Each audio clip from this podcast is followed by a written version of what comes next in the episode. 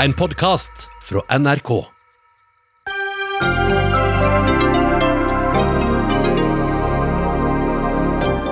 Flere skal være døde etter koronasmitte i Iran og Italia. Verdens helseorganisasjon varsler at et globalt utbrudd nærmer seg faretruende.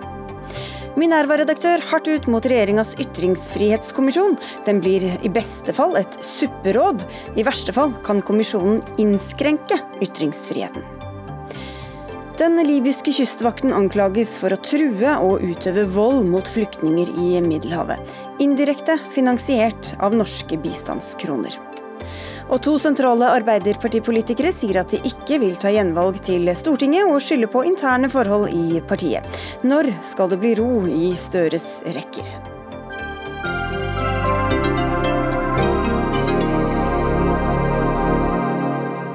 Dette er bare noen av sakene i dagens Dagsnytt 18, hvor vi også skal til nyheten som nettopp kom om at filmprodusenten Harvey Weinstein er dømt for seksuelle overgrep og voldtekt. Jeg heter Sigrid Solund. Sju mennesker i Italia er døde som følge av koronaviruset, og i Iran kan så mange som 50 personer ha dødd av viruset i én delstat alene. Men regjeringa og opposisjonelle er uenige om hvor høye dødstallene er. Smitteomfanget får Verdens helseorganisasjon til å slå fast at tiden er i ferd med å renne ut for å hindre et globalt utbrudd.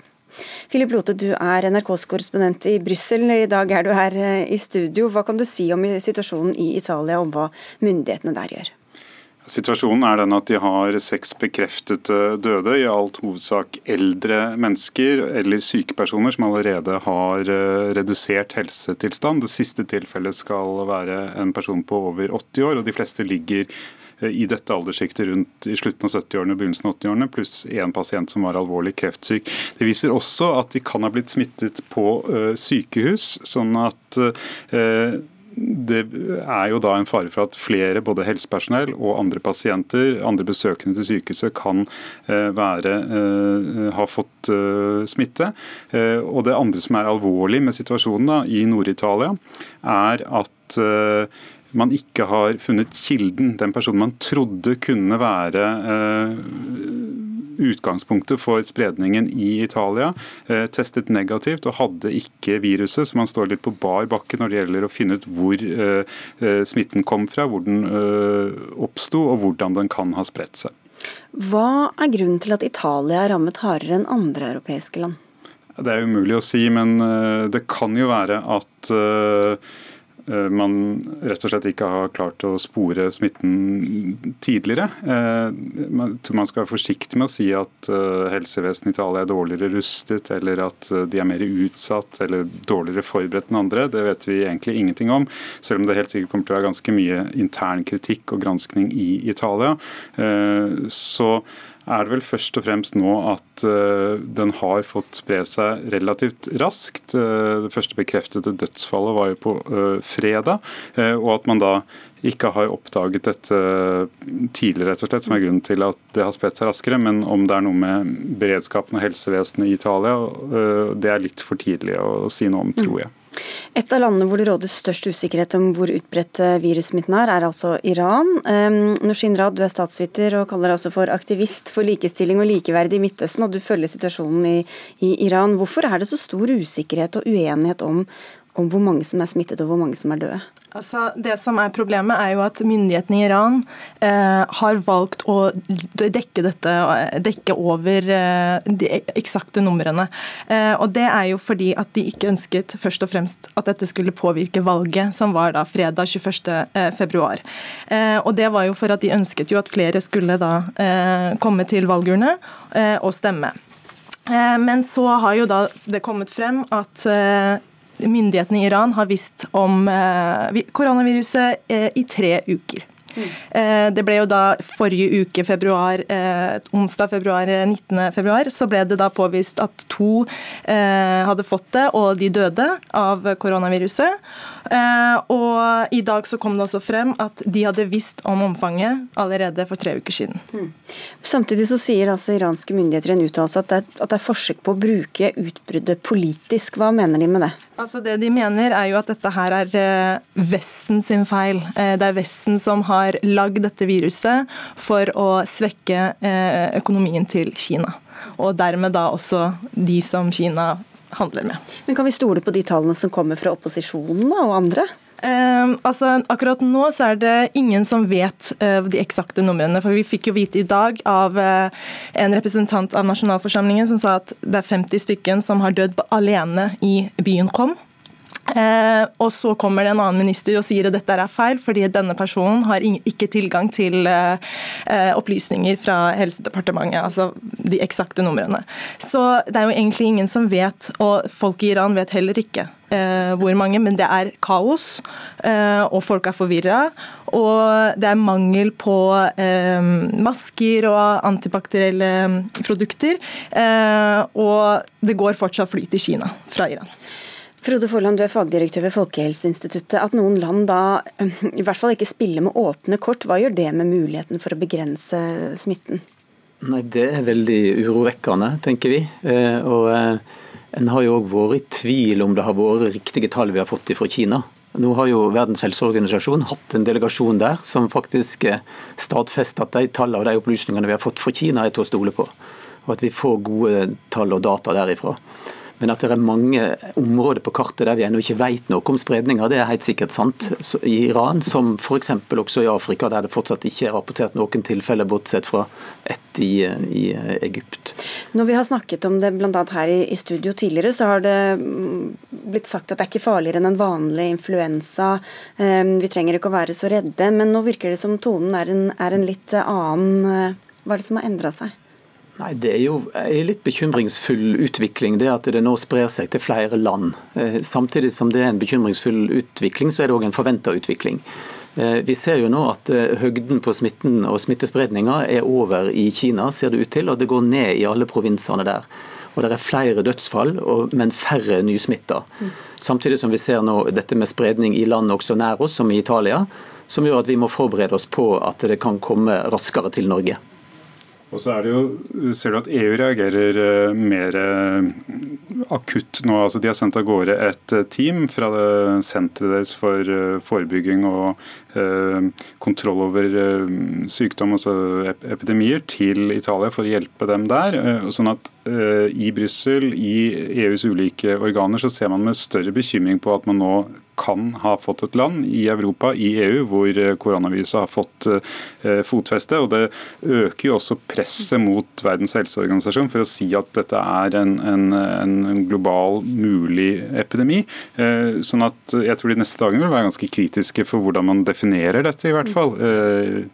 Ja, for Hva betyr det om det kan utvikle seg til en pandemi? Hva ligger i det? En pandemi betyr jo egentlig bare at det er en utbredt spredning i hele verden, eller i alle verdens deler. Eh, og Det er et eh, begrep som en tar i bruk når situasjonen er alvorlig. Mm. Og Foreløpig så har jo ikke dette blitt erklært en pandemi, men en er forberedt på at det kan utvikle seg til det. Og at det definitivt er et virus som kan ha et, det vi kaller et pandemisk potensial. Hva sier de du snakker med, Rad, i Iran, om hvordan bekymringa er der? Altså, eh, Det er kaotisk. Det, folk er forvirra. Og det som er problemet, og det som er farlig, er jo at eh, Og det er nettopp det at Iran er eh, unikt på dette området, fordi de dekker over tallene. De er hemmelighetsfulle. og de forteller ikke folk hvor, altså antallet på døde og smittede. Så Forland, For nordmenn som kanskje er bekymra, enten de er i Norge eller skal ut og reise, hva vil du si de skal gjøre? Nei, De må forholde seg til reiserådene fra UD. og Det er jo fortsatt sånn at du skal ha en god grunn til å reise til Kina. og Vi anbefaler folk å ikke reise til den provinsen Hubei der det er mest utbredt spredning. Og Fortsatt er det jo sånn at nesten alle kjente tilfeller er i den provinsen. Og det er lite fare for spredning i resten av verden. Så tror jeg man kan skille mellom de rasjonelle og de irrasjonelle tiltakene som blir satt i verk. Altså I Italia så har de gått ganske hardt til verks. De har blokkert eh, ti byer hvor de tror eh, viruset kan eh, spre seg fra. Og I tillegg så har vi da eksempler på det totalt irrasjonelle, f.eks. Mauritius som nektet et fly fra Alitalia og landet. Så jeg tror de internasjonale byråene og organene som jobber med å få kontroll og bekjempe dette viruset, de kjemper også en kamp for at folk skal reagere og tenke fornuftig fornuftig i den situasjonen som er nå. Hold hodet kaldt og vask hendene godt. Ja. Og Vi trenger fakta og ikke frykt i denne situasjonen. Og vi må stå i en, på en internasjonal solidaritetssammenheng med mange land for å få bukt med denne epidemien. Takk skal dere ha alle tre for at dere var med i Dagsnytt 18, Nashin Rad, Philip Lote og Frode Forland. Dagsnytt 18 alle hverdager klokka 18. På NRK P2 og NRK2.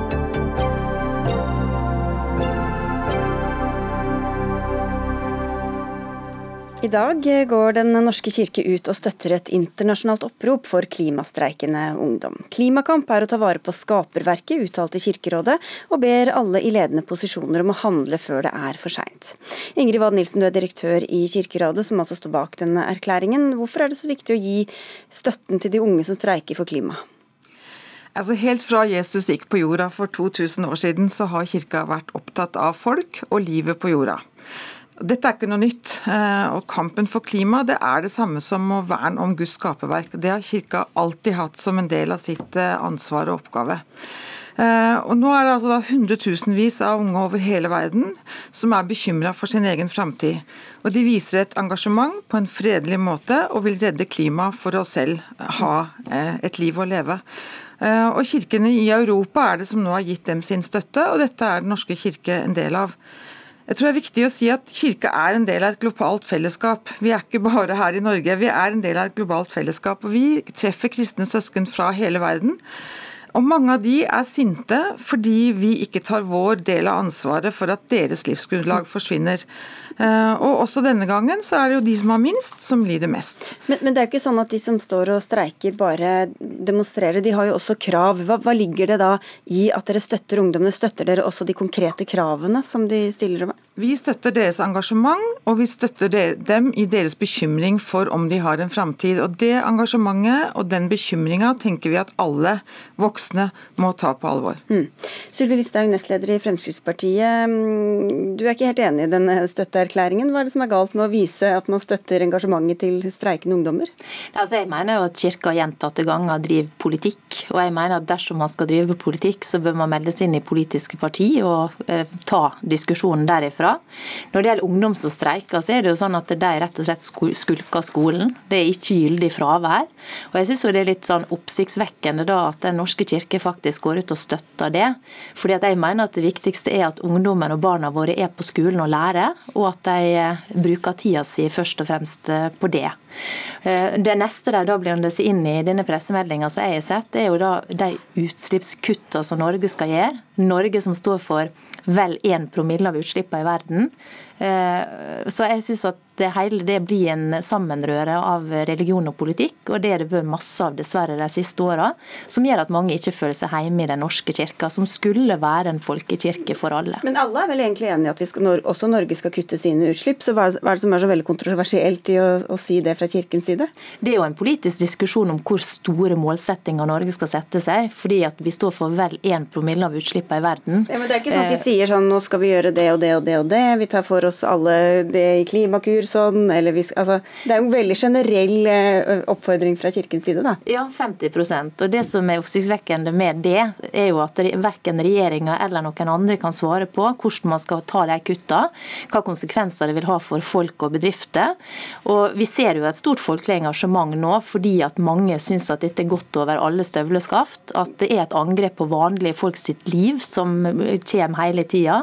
Enten det er hva de spiser, eller det er hva, om de kjører bil rett og slett måten man lever livet sine på. Og det, det, når, når, kirka begynner å gå inn i disse tingene her, så, så, går det for langt. Men jeg lurer egentlig på hvor langt inn i det dere går. Altså, Hva er det dere egentlig, når du sier at de støtter engasjementet, det, hva ligger i det egentlig?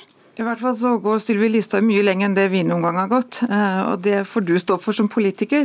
Eh, men jeg tror at folk flest ville synes at det var mye mer underlig om kirka ikke støtta kampen for klima.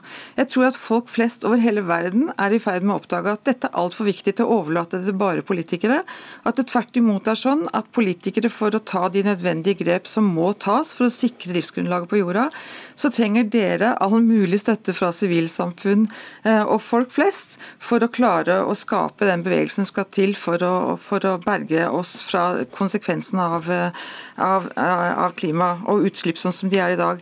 Vi, har, vi gjorde en medlemsundersøkelse i fjor som gjør at vi føler at vi er relativt på trygg grunn hvis det var det som var viktig for oss, nemlig at mellom 75 og 80% av våre medlemmer mener at kirka må engasjere seg for et bedre klima. Men, så vi er ganske sikre på det. Men, men altså, det kan jo ikke være eh, Vi er ikke bare fokusert på hva medlemmene våre måtte mene om den enkelte ting. Dette er jo en kamp som vi tenker er helt eh, i kjernen av vår kristne tro.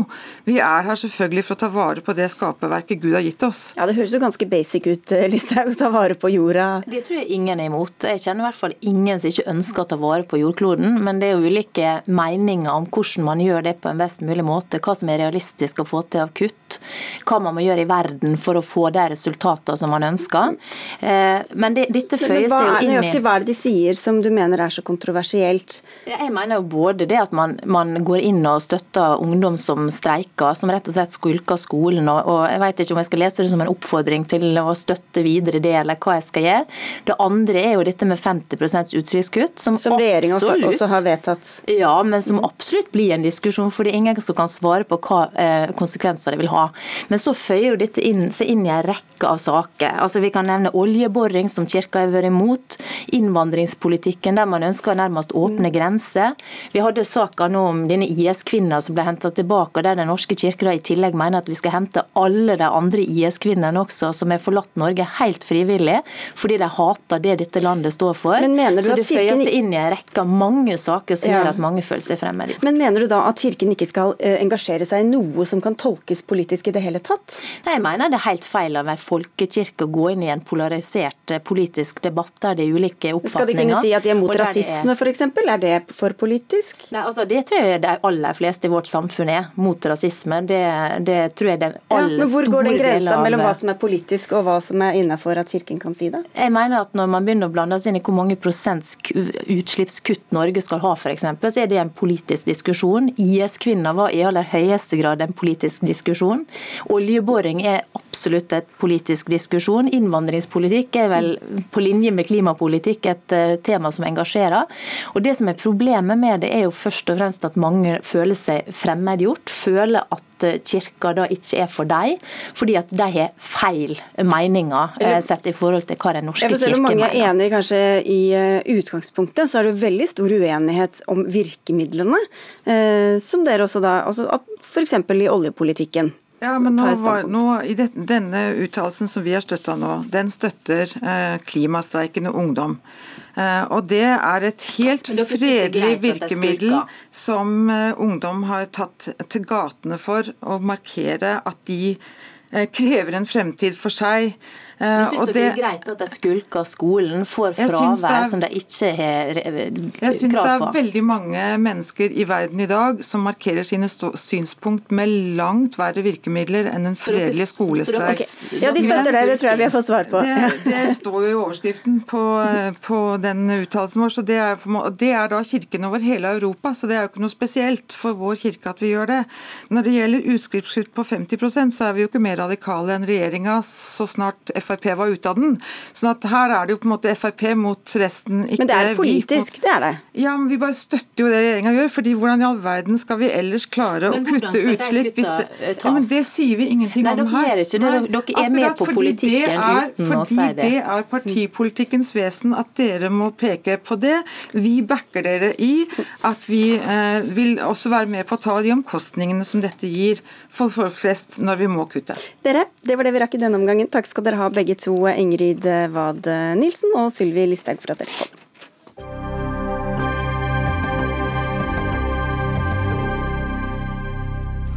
Rett før sending ble det kjent at filmprodusenten Harvey Weinstein er kjent, for, kjent, skyldig for seksuelle overgrep og voldtekt. Han var tiltalt for fem forskjellige tilfeller av seksuelle overgrep, og det var med New York Times-avsløringene om Weinstein at metoo-bevegelsen startet i sin tid. Og det er altså stor symbolsk verdi også at han dømmes nå, Agnes Moxnes, kulturkommentator i NRK. Men det var mange tiltalepunkter her, hva mer kan du si om det som har skjedd? Ja, det var fem tiltalepunkter punkter, og den alvorligste den går på at han var en serieovergriper, er vel det riktige begrepet å bruke i, i Norge. Det er han ikke, altså juryen ikke funnet han skyldig i, men det er også funnet han skyldig i voldtekt og den groveste utgaven av det de kaller 'criminal sexual act', eh, så er vel da et, et seksuelt overgrep, da. Vet vi hvorfor han ble frikjent for dette mest alvorlige punktet? Nei, altså det, har, det, er to kvinner som har stått uh, i retten uh, og anklaget han for uh, disse overgrepene. Den, det har vært fire andre vitner også, men de har Deres saker har vært foreldede. Sånn at juryen har nok jobbet med de siste dagene om hvordan de skal liksom forholde seg til at en av de alvorligste voldtektsanklagene mot ham var godt, skal ha vært gått i, i 1990 1993, og derfor da vanskelig å ta inn i denne eh, dommen eller den i det svaret på om han er skyldig eller ikke skyldig. Da. Dommeren sa før juryen skulle fatte avgjørelsen sin at, at man ikke skulle se på hele sakskomplekset med metoo-kampanjen, mm. men bare se på det som en vanlig straffesak. Men hvor viktig tror du det er også for hele den eh, metoo-bevegelsen at han nå blir dømt? Eh, det er selvfølgelig veldig veldig viktig. og jeg tror nok du kan se at det er et klima før og etter etter 2017 eh, og metoo-saken. Fordi det er ytterst sjelden at eh, voldtektsanklagere blir dømt i amerikanske retter når vedkommende har hatt et forhold til dem, eller et vennskapelig forhold til dem, også etter, altså etter voldtekten. Men det har altså da skjedd her nå. Det blir mer om denne saken på NRK utover kvelden. Takk skal du ha for at du kom i all hast, Agnes Moxnes.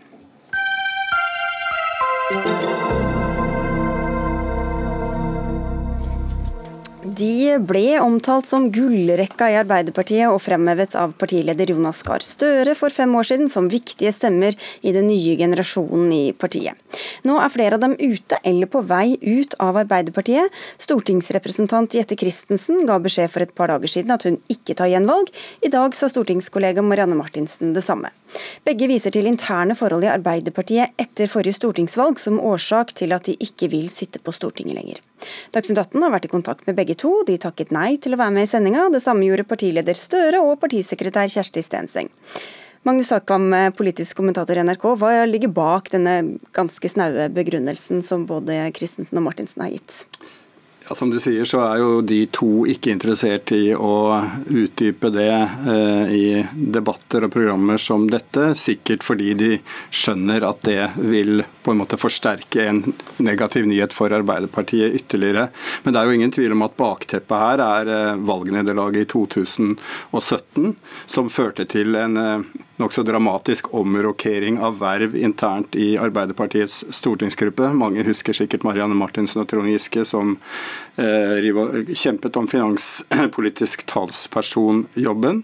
Så etter Hvor han kom seirende ut. Ja, mm. nettopp. Og så eh, Giske-saken som kom som en tsunami etterpå, med Bl.a. den konsekvensen at forholdene internt i stortingsgruppa til Arbeiderpartiet ble preget av ja, giftig og dårlig stemning. Og etter det så har disse to kvinnelige eh, stortingsrepresentantene da hatt en mer anonym tilværelse. Og det er ingen overraskelse, tror jeg, for folk i Arbeiderpartiet at de eh, gir denne beskjeden nå. Men det er klart at for eh, folk utad eh, så er det en dårlig nyhet, og, og kan forsterke inntrykket av at Arbeiderpartiet er vanskelig med å holde på, på politiske ta talenter, rett og slett.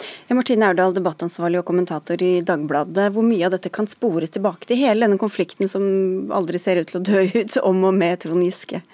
Nå sier jo, eh, som Magnus Hakam eh, er inne på her, både Jette Christensen og Marianne Martinsen det er ganske rett ut. Til Dagens Næringsliv så sier Marianne Martinsen at det ville være løgn å si at eh, situasjonen, som hun ikke bekreftet at situasjonen etter høsten 2017 har vært avgjørende for hennes valg. Og Jette Christensen sier mye av det samme både til DN og til Bergens Tidende. Selv om de ikke vil utdype, så vet jo alle som har fulgt denne saken med et halvt øye, at Giske-saken har eh, ridd partiet som en mare. Eh, det kom jo en bok i morgen av Anja Sletteland og Kristin Skare Orgre om eh, Giske-saken. De har analysert mediedekningen, eh, men også det som har skjedd i, eh, i utviklingen av den saken.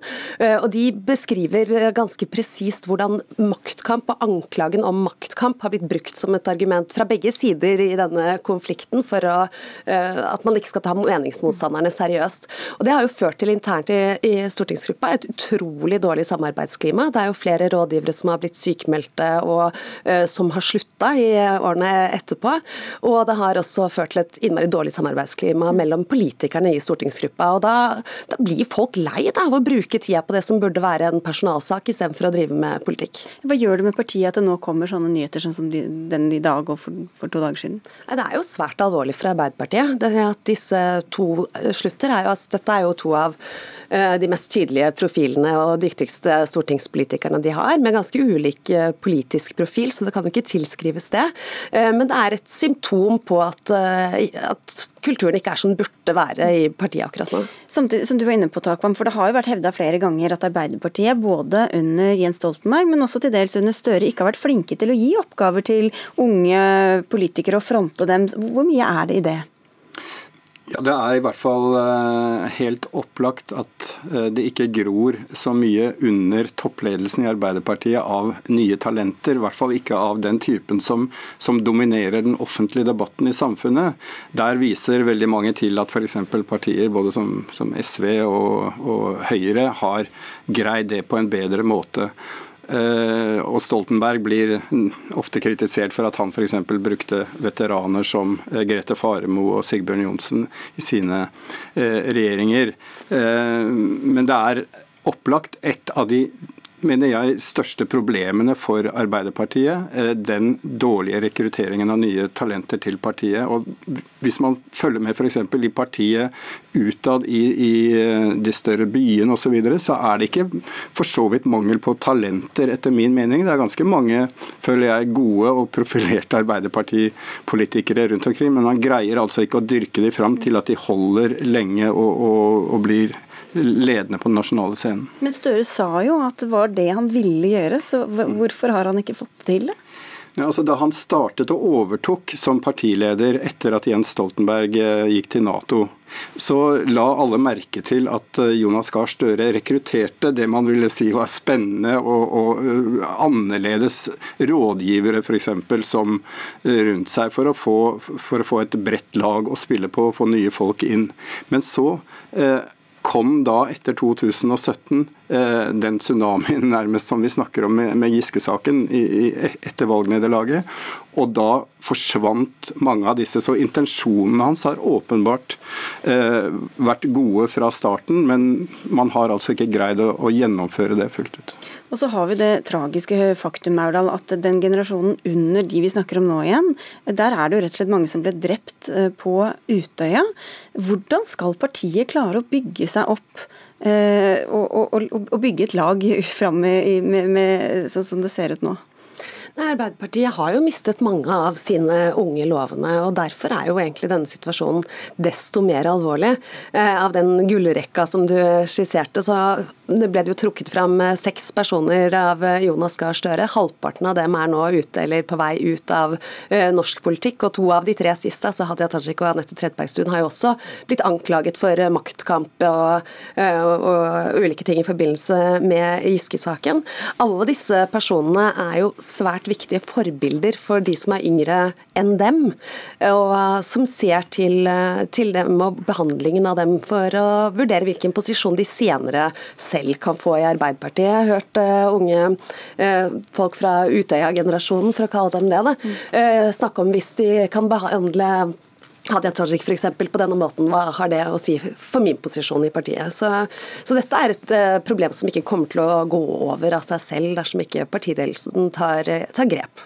Det er ennå en stund igjen til fristen for å melde om alle, for alle som vil ta gjenvalg eller ikke, så vi får følge med. Takk skal dere ha begge to for at dere var med, Martine Aurdal og Magnus Takvam.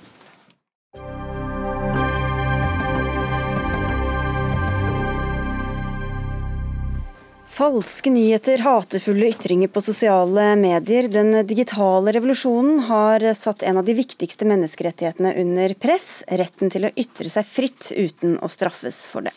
Dette er sentrale deler av regjeringas begrunnelse for å nedsette en ny ytringsfrihetskommisjon, hvor medlemmene ble presentert for en drøy uke siden. Men allerede før de er i gang, så kommer det kritikk, bl.a. fra deg, Nils August Andresen, du er ansvarlig redaktør i eh, Minerva. Du sier at kommisjonen i beste fall kan bli et supperåd uten retning, i verste fall eh, føre til en innskrenkning av ytringsfriheten.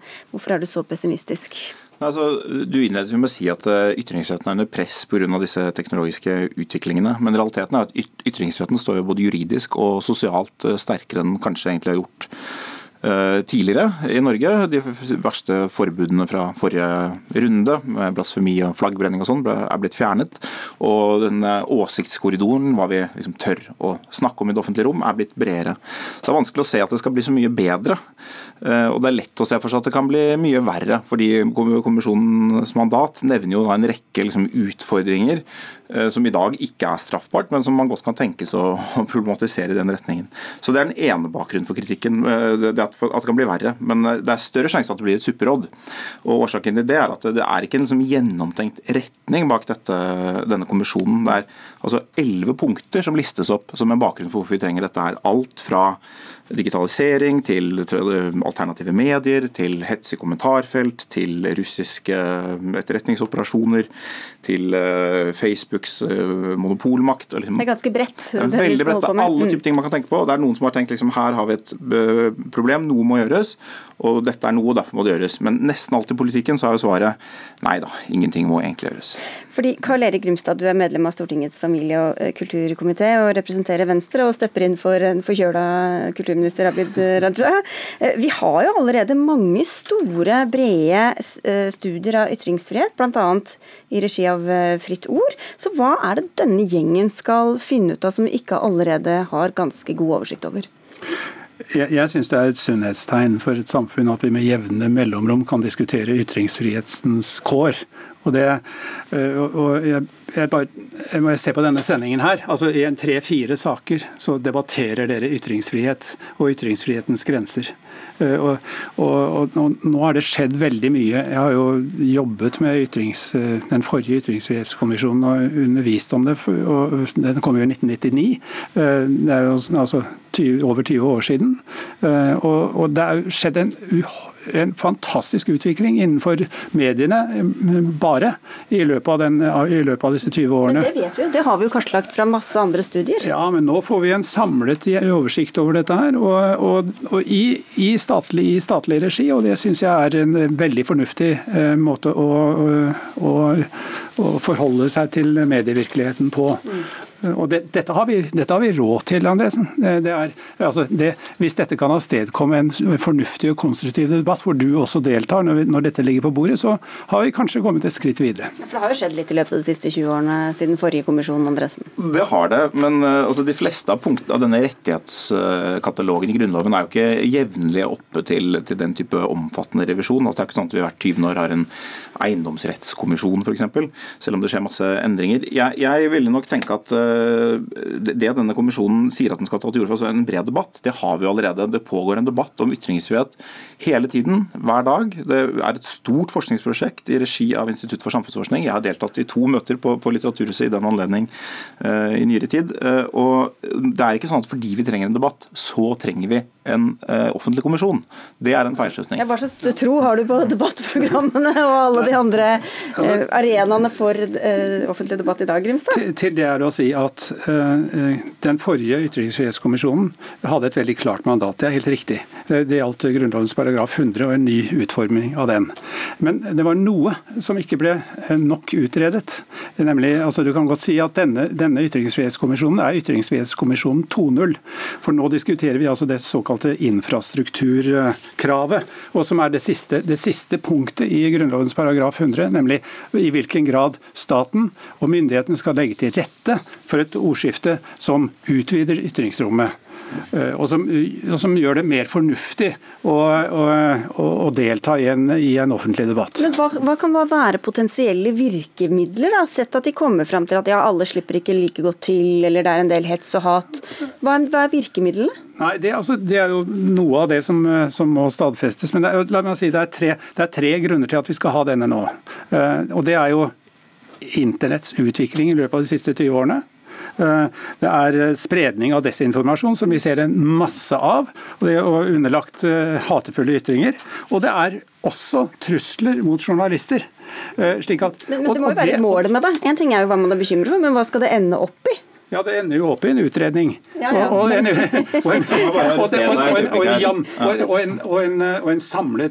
en samlet utredning om disse sidene ved den nyere tidsutvikling. Og det er ikke, altså, og det, bare, Hvis man ser på sammensetningen av den forrige kommisjonen opp mot denne, så er den veldig interessant. ikke sant? Fordi her har du eh, representanter for et mye bredere lag av, av norsk offentlighet. Du sa det var tre grunner til at man åpnet denne kommisjonen, men det er det ikke. Det er elleve, og det er noe av problemet. fordi eh, Hadde det vært tre altså Kunst og kultur er vanskelig, alt er under press. Det er elleve grunner. Hadde det vært for to grunner, hadde man f.eks. sagt eh, Facebook får et monopol på spredning av informasjon. Eh, bør vi derfor gripe inn som infrastruktur? Lag et lovforslag til dette. Det er en type offentlig utredning som gir mening. ikke sant? Eller hadde man sagt Eh, fremmed innblanding i valg gjennom spredning av desinformasjon kan nødvendiggjøre begrensninger på ytringsfriheten ja. utover paragraf 100. Lag forslag til dette. Det hadde vært meningsfullt. Det vi får nå, er høyst sannsynlig et supperåd. fordi det, det, som er greia er at det, det, Kommisjonen blir bedt om å fremme tiltak for en bred og levende offentlig debatt. Og Det er, altså, det er et spørsmål om politisk hegemoni, hva som er en bred og levende offentlig debatt. Og I denne kommisjonen så sitter da, det er helt riktig at den skiller seg vesentlig fra den forrige, men ikke nødvendigvis til det bedre. Her skal da Magdi fra, fra Karpe Diem og Kjetil Rollnes sitte og krangle om hva som er en god offentlig debatt. Og det kan vi få gjort både billigere, men også sunnere utenfor en offentlig kommisjon. Ja, til disse, til, jeg vil bare helt, tida går så fort her, men Dere har jo fått kritikk. En ting er for at dere ikke har med noen med teknologisk kompetanse. I Aftenposten i dag får dere kritikk for at ingen av medlemmene har nedsatt funksjonsevne. Dere nevnte Kjetil Rollnes, Mimmi Kristiansson, det er Kjersti Løken Stavrum, Vebjørn Selbekk, Anki Gerhardsen, Eirin Eikefjord, Shabana Rehman. Altså folk som ganske ofte er å finne her i studio, f.eks. Som har meninger, ja. ja. Hva er det de kan bringe til torg som vi ikke allerede vet om ytringsfrihet? Ja, altså, jeg synes du, du eh, karikerer denne sammensetningen og måten et offentlig utvalg jobber på. For det er jo nettopp det å slippe disse inn i et rom, lukke døra, og la de bli enige om en utredningstekst. Det er jo det som er det geniale med en sånn utredning. Det er jo ikke, er jo ikke at alle sammen skal sitte på Dagsnytt 18 samtidig, alle 18 medlemmene, og, og, og krangle så fillene fyker. Dette er folk med fornuftige meninger, og det kan komme noe godt ut av det. Og, og jeg noterer det du sier nå, ikke sant? for det er vel verdt å ta med seg. dere, takk skal dere ha for at dere kom hit, Nils August Andresen og Carl Erik Grimstad. Det er lov å komme hit selv om de skal jobbe med Ytringsfrihetskommisjonen, det vil bare legge merke til. Hør Dagsnytt 18 når du vil. Radio NRK.no. De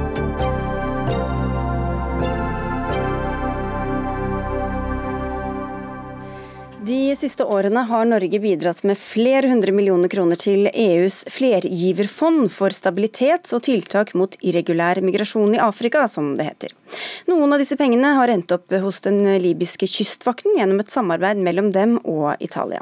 Den libyske kystvakten har fått frie tøyler til å stanse båtflyktninger langt ut i internasjonalt farvann i Middelhavet, men får sterk kritikk for hvordan de oppfører seg mot disse asylantene.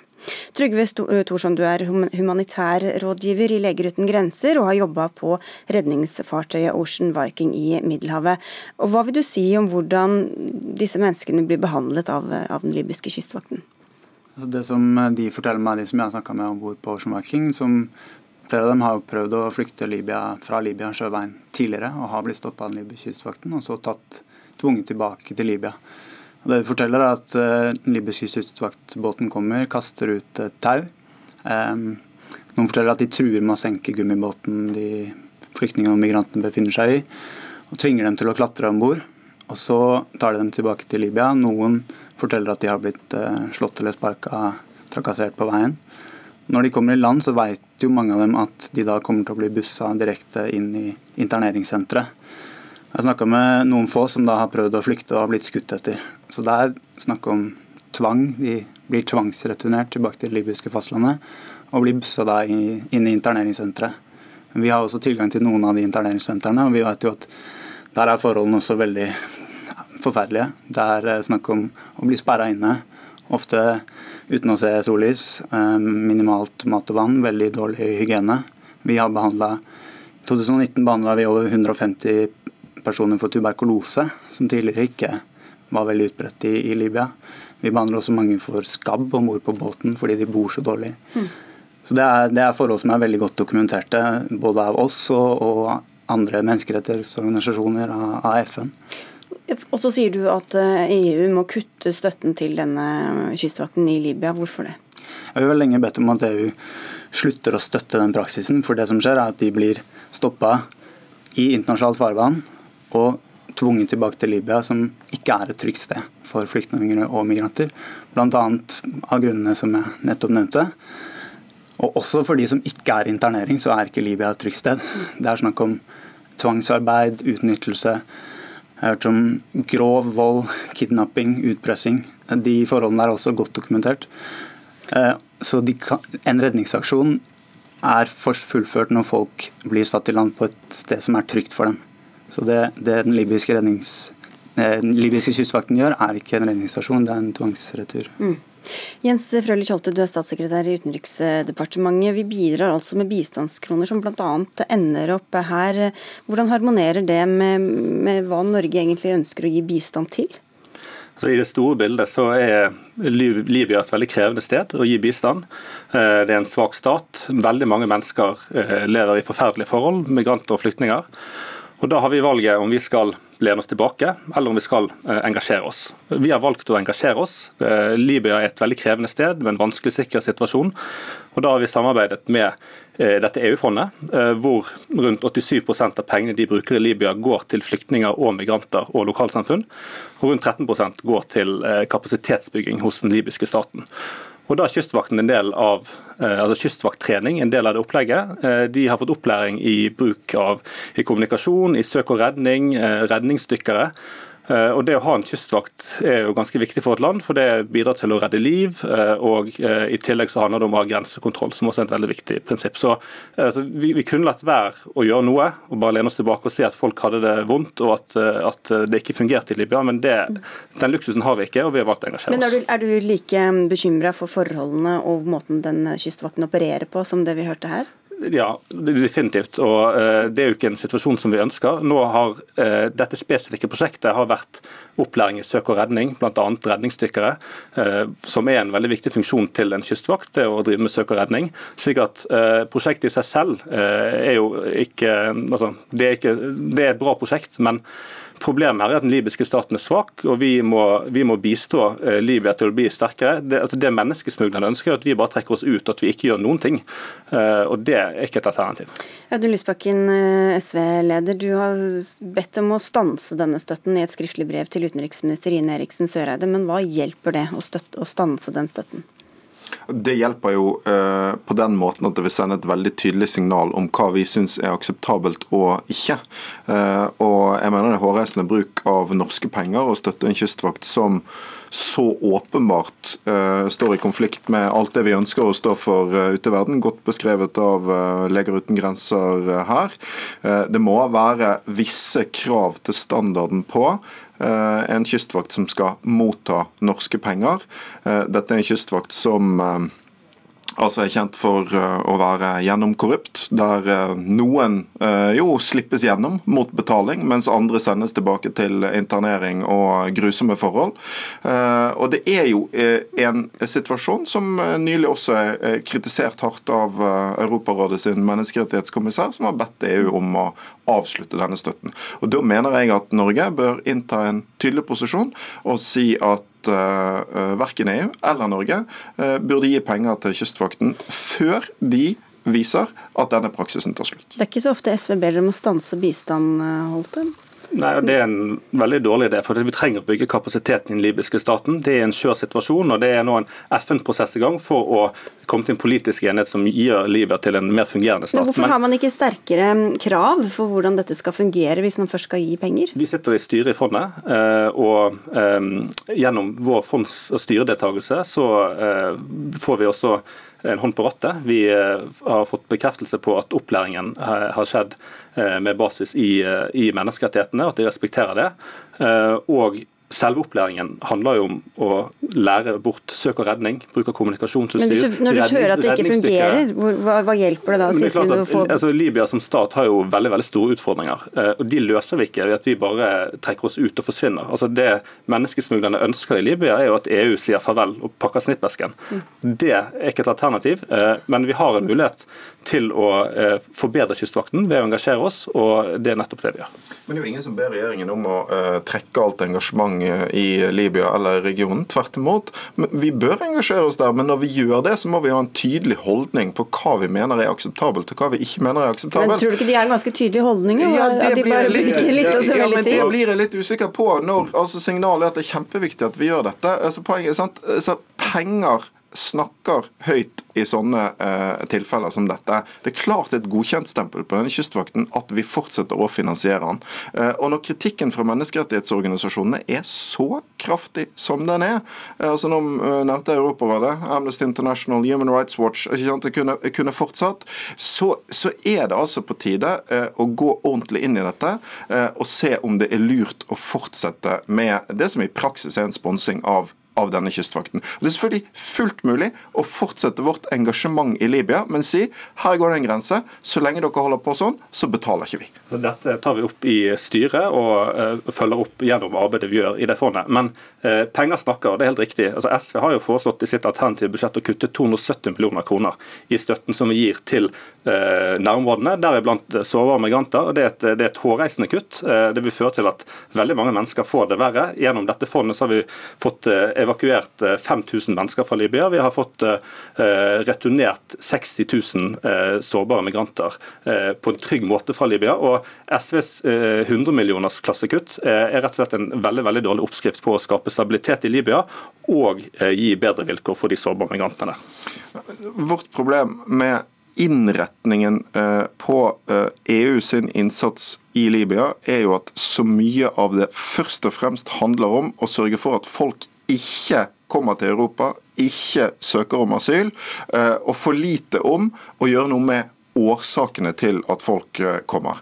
Eh, vi er alle enige om at situasjonen rundt Middelhavet er ekstremt krevende, men det kan ikke være en unnskyldning for å støtte en politikk som bryter med våre grunnleggende prinsipper. Hva hadde skjedd hvis Kystvakten bare forsvant, da? Hvordan hadde disse jo, men, menneskene fått det bedre da? Jo, men Poenget er at, sånn at vi kan ikke sette godkjentstempel på noe som bidrar til menneskerettighetsbrudd og korrupsjon. Noen sånne standarder må vi ha i dette arbeidet. Eh, og jeg syns regjeringen i mange av disse spørsmålene har en tafatt holdning. Det er en parallell til dette i behandlingen av eh, situasjonen på de greske øyene, som, som, som henger sammen.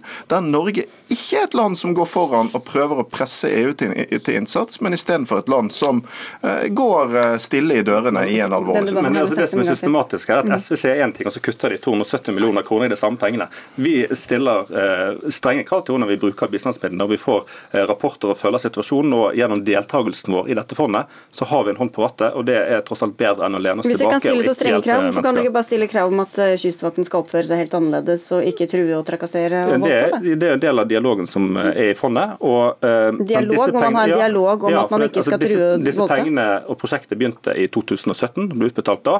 Uh, og så er det selvfølgelig vår forventning at de bruker pengene som er i, i tråd med eh, grunnleggende menneskerettigheter. og Det er også det de gjør i opplæringen som de får på søk og redning. Men jeg synes Dette understreker mitt poeng eh, veldig tydelig. Vi er for å bruke penger i denne regionen. Men hvis du, hvis, hvis du har altså en situasjon hvor folk sendes tilbake til overgrep, vold og eh, helt uakseptable forhold, så sitter jo ikke du og har dialog om det og aksepterer at det fortsetter. Da setter du hardt mot hardt noen ganger, og så sier du hvis ikke dette endres, så stopper vi utbetalingen. Det burde ikke være noe problem flyktninger rett fra Libya i tillegg. Okay, nå blir det hardt mottatt herfra, for nå må dere takke av, alle tre faktisk. Trygve Thorsson fra Leger uten grenser, Jens Frølich Holte fra Utenriksdepartementet og Audun Lysbakken, SV-leder. Takk skal dere ha.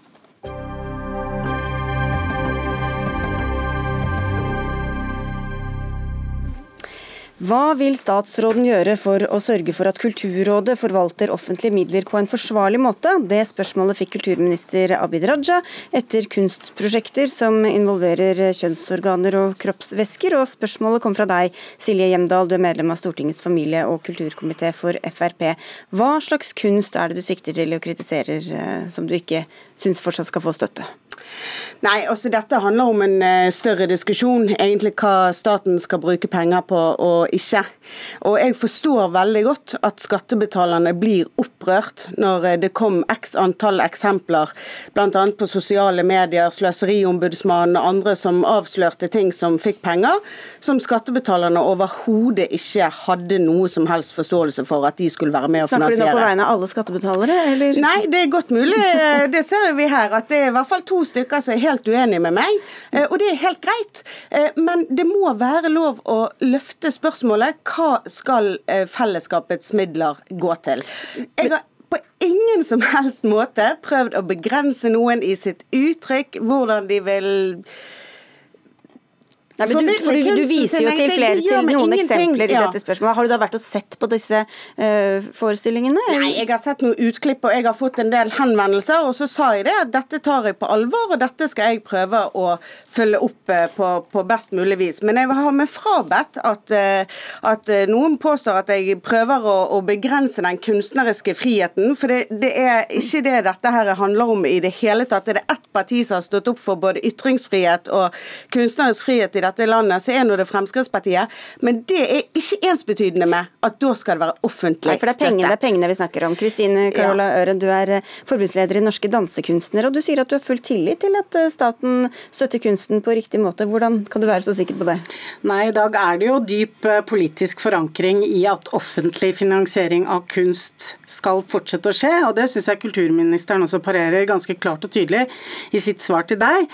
Eh, men jeg opplever at dette utspillet på mange måter er De gjør det ikke mindre alvorlig av den grunn at et sånt utspill kommer, fordi den beskrivelsen som avstedkommer, da, er jo svært lite treffende og enormt begrensende for disse verkene som det her eksemplifiseres med.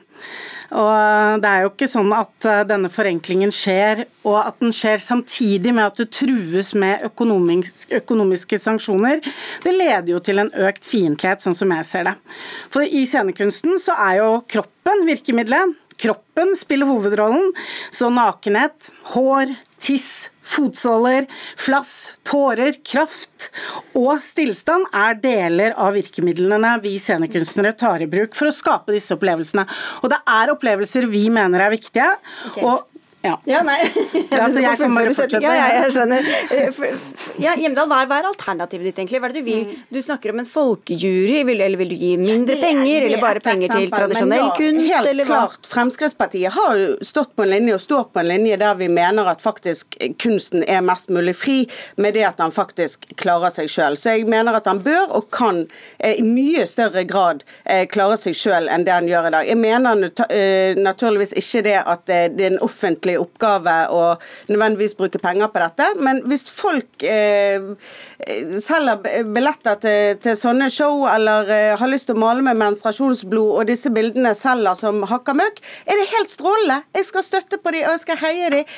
Men det er noe med det at det er faktisk folk som har arbeidet hardt for disse pengene og bidrar til fellesskapet, som reagerer men, på det okay, pengene blir brukt til dette. I det så ligger det at du egentlig vil kutte all støtte til kunst, da? Eh, mer eller mindre så, så er jeg der også. okay, det, så, så, ærlig skal jeg være. Men det, ja, men det er så viktig for meg å understreke når vi først er der at det offentlige skal bruke penger på mm. sånne ting, så må det også være lov å stille noen spørsmål med om denne innretningen er eh, det mest hensiktsmessige. og Derfor har jeg løftet opp det eksempelet at kanskje en eh, folkejury hadde hatt litt mer eh, legitimitet i befolkningen. Ok, Vi kan komme tilbake til den juryen, men Øren, hvorfor skal egentlig folk betale for noe som ikke betaler seg selv? Som ikke folk er villige til å gå støtte og betale for?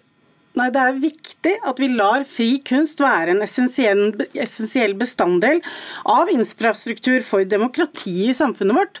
Kunstnerne bidrar til dette, og kunstneryrket er med sånne uttalelser under stort press. Flere og flere kunstnere i dag opplever hatefulle ytringer, og det opplever som splittende og dedemokratiserende, og noe som i hvert fall vi fra, fra vår eh, norske dansekunstens side tar på stort alvor, nettopp fordi kunstformen vår også kun eksisterer gjennom ordninger som hun her sier at folk flest skal bedømme. Og jeg er jo av den oppfatning at det er faktisk folk flest som har mulighet til å gi penger til den kunsten jeg representerer, gjennom fagfellevurderingen. Vi skal få inn deg igjen, du tilbake, Karl Erik Rystad, fortsatt fra Venstre og familie- og kulturkomiteen på Stortinget altså Det er én milliard kroner som deles ut fra, fra Kulturrådet nå ja. i år. Hvordan, hvordan vet du at dette deles ut på en forsvarlig og fornuftig måte? Nei, altså Vi har jo laget oss en ordning for dette. Det høres ut som jeg hører på, hører på min kollega her, så, så høres det ut som norsk kunst bare dreier seg om ekskrementer og kroppsodør. Men det er jo ikke det. Altså det dette er én milliard kroner, vel anvendte penger, for å utvikle norsk kunst og kulturuttrykk.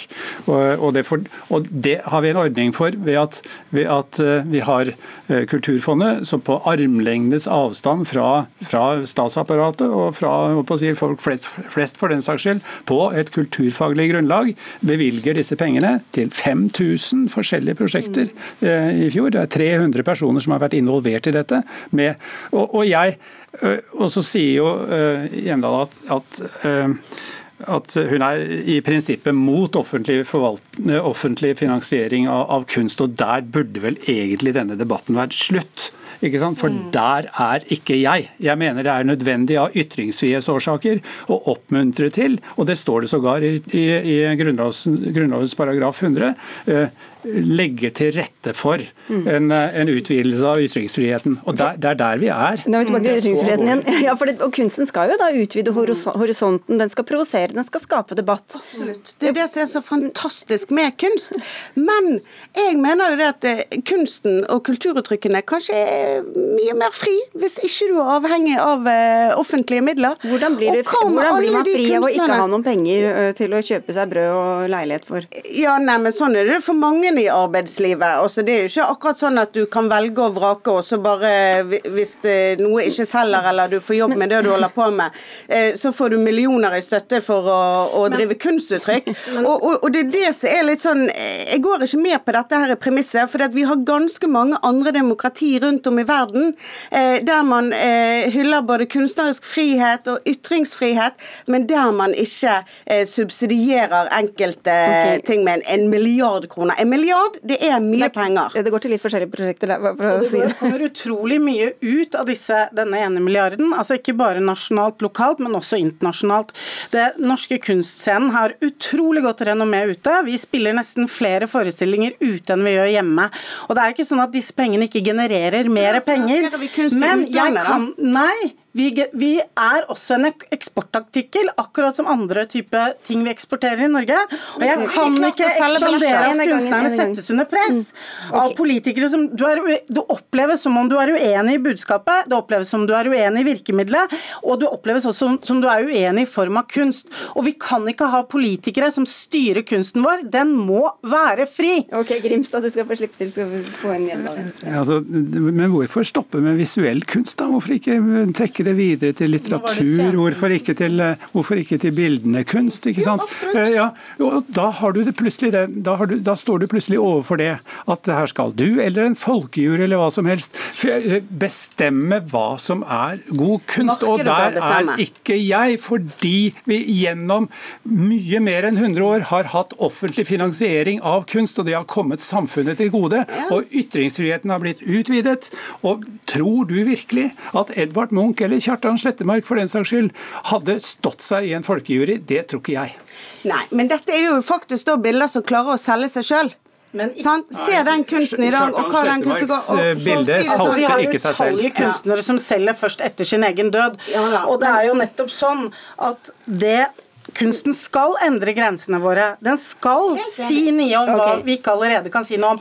Og den kan også sette sammenhenger der hvor det ikke sammenhenger var før. Nå blir det akkurat som vi har her nå. Du, da skal vi avslutte med deg, Hjemdal. fordi egentlig i, i, den logiske slutningen da er jo at ingen skal få støtte, enten det er kunst eller Human Rights Watch eller Service for den saks skyld, eh, som også da altså, sier Når det gjelder kunst og kultur, så er jeg helt ærlig på det at jeg mener at det er markedet som egentlig burde styre dette. Og så har jeg sagt at så lenge vi bruker offentlige alle, alle sånne Marianne? Så lenge vi bruker offentlige midler på dette, så bør det i størst mulig grad nå folk flest og en bredde. Og da har jeg også vært ganske tydelig på at da bør man prioritere barn og unge. Disse eksemplene som har blitt dratt frem her, det skjønner jeg provoserer folk. Og jeg lovet som en god ombudskvinne å ta den debatten, og det ser jeg her i dag at var veldig riktig å gjøre. Så vi fikk i hvert fall tatt debatten. Takk skal dere ha, alle tre. Eh, Silje Hjemdal fra Fremskrittspartiet, Kristine Carola Øren, som er altså forbundsleder i Norske Dansekunstnere, og Karl Eirik Grimstad fra Venstre. Dag Dørum var ansvarlig for denne sendinga, Lisbeth Sellereite hadde det tekniske ansvaret, og jeg heter Sigrid Solund og ønsker en riktig fin kveld.